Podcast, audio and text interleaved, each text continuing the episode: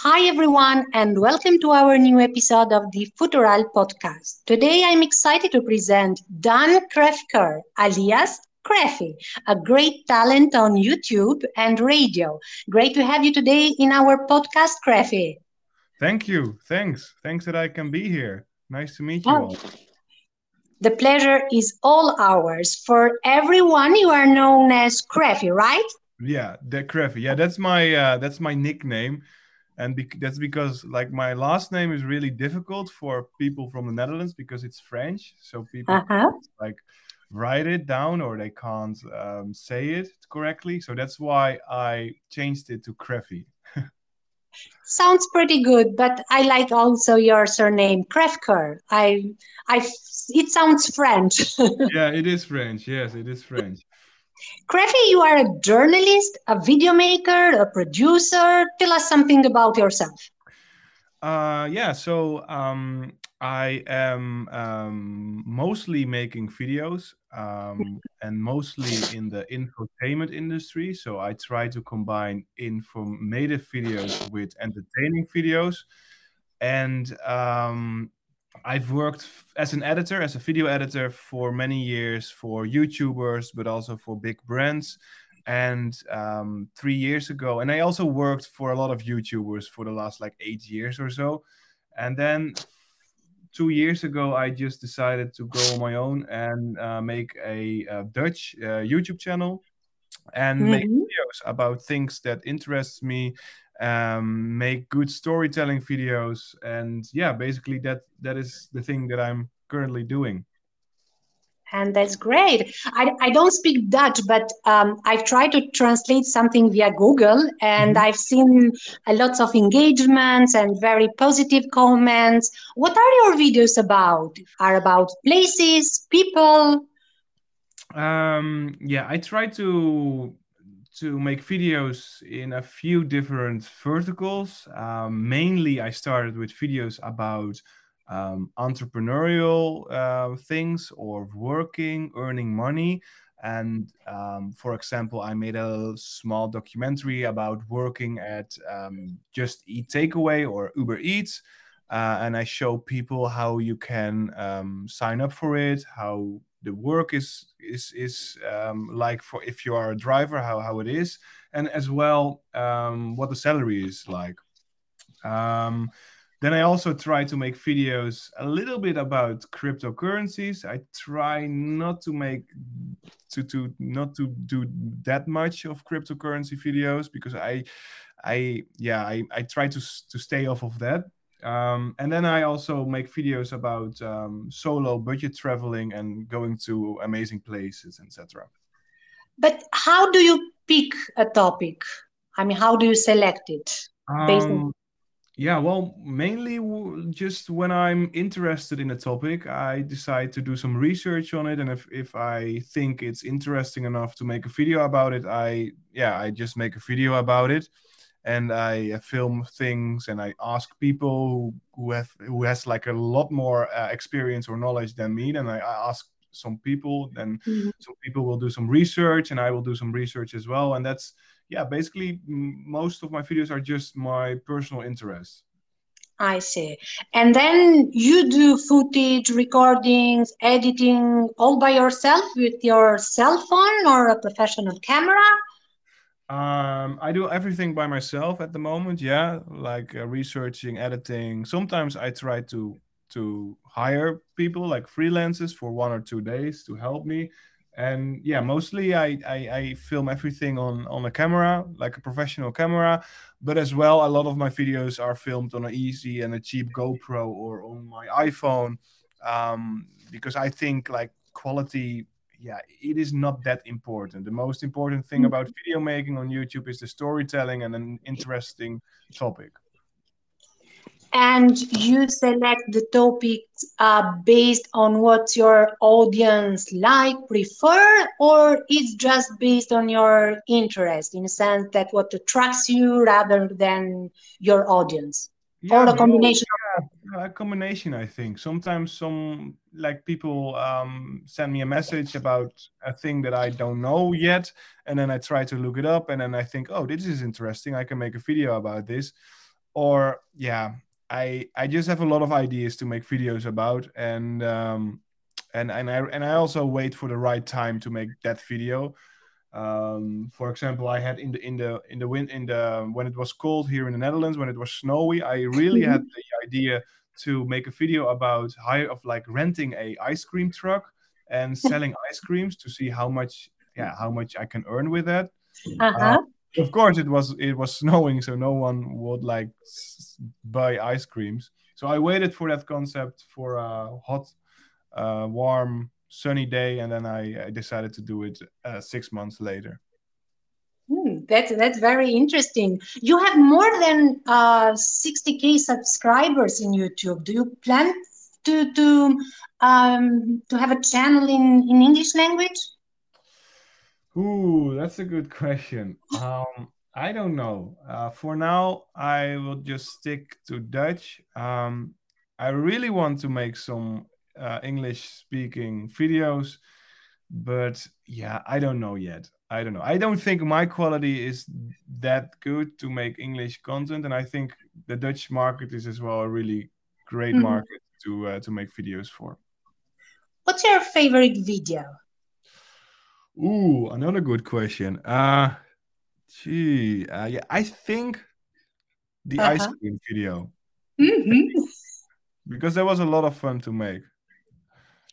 So you Yeah, did enjoy realizing it, but uh, what about your audience? Did you yeah, see engagement? yeah. The video uh, was pretty good, I think. Mhm. A lot of positive comments, and uh, the video scored above average for the views. So yeah, that was a good video to make. It was a really good one. So definitely, maybe an idea would be to to add some English subtitles. Yeah, maybe. Yeah, yeah, maybe. Yes, that's a good one. Um, in your Instagram account, I've seen a photo of yours in Berat, Albania, and Mhm. another one on a road surrounded by mountains. I don't Yeah. know where you've been, but can you share uh, the reasons behind this trip in Albania? Yeah, sure. Yeah. Um, so first of all, my first visit to Albania was, uh, I think, three years ago, Uh-huh. um, with a day trip from Corfu, Okay. and uh, yeah, I I really liked it. Like I never never researched or saw pictures of Albania, so it was completely new for me. And Mhm. then when I arrived with the boat in Sarande, um, for a one day trip, I really liked it, and I really liked the people over there. And I told myself, okay, I have to come back to this place once. And then fast forward a few years, um, my my dream always is to like my child dream is to to open a hostel somewhere in the world. And um, together with a friend we were thinking about this and thinking about realizing this and also dreaming about this. And then i was like okay but i know a nice country to to maybe explore and to explore first to do some research and um, that's albania and he was like albania what what are we going to do in albania like Uh-huh. I never been there. I never seen something about Albania. So then we just decided to to to book a ticket, to book a plane ticket, and um, we went on a road trip for a week. And um, yeah, m- mostly we just enjoyed it, uh, like a like a like a holiday. Um, but as well, we we really stayed in hostels and we we researched the backpackers community over there. And then yeah, we just I think in a week we we we drove across the entire country of Albania, and uh, that's that's like the the story why we went to Albania. So no videos? Yeah, I made I made one video. I have still have to edit it. Um, and um, I I like yeah, I I made one video about uh, like my videos on my channel are mostly like 80 90% of the videos are about money. Um, so Mhm. and I know this is maybe not a good thing um, to make a video about, but I really wanted to show people from the Netherlands how uh, beautiful uh, Albania is but also how like for for us for people from the netherlands how relatively cheap it is to other countries Mhm. so um, we combined those two um, um, factors and made a video about uh, like spending money in Albania and traveling around in Albania and visiting nice and beautiful locations, etc.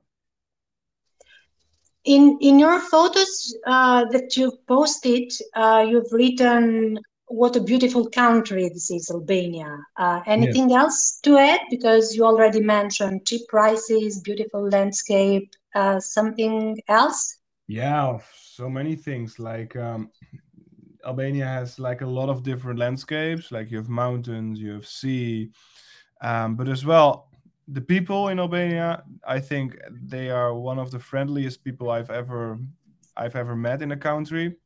Mm-hmm. I remember one time we were at a restaurant uh, eating uh, lunch, and then um, like someone came up to us and he was like, "Yeah, I'm going to pay for your drinks. Thank you for coming to Albania."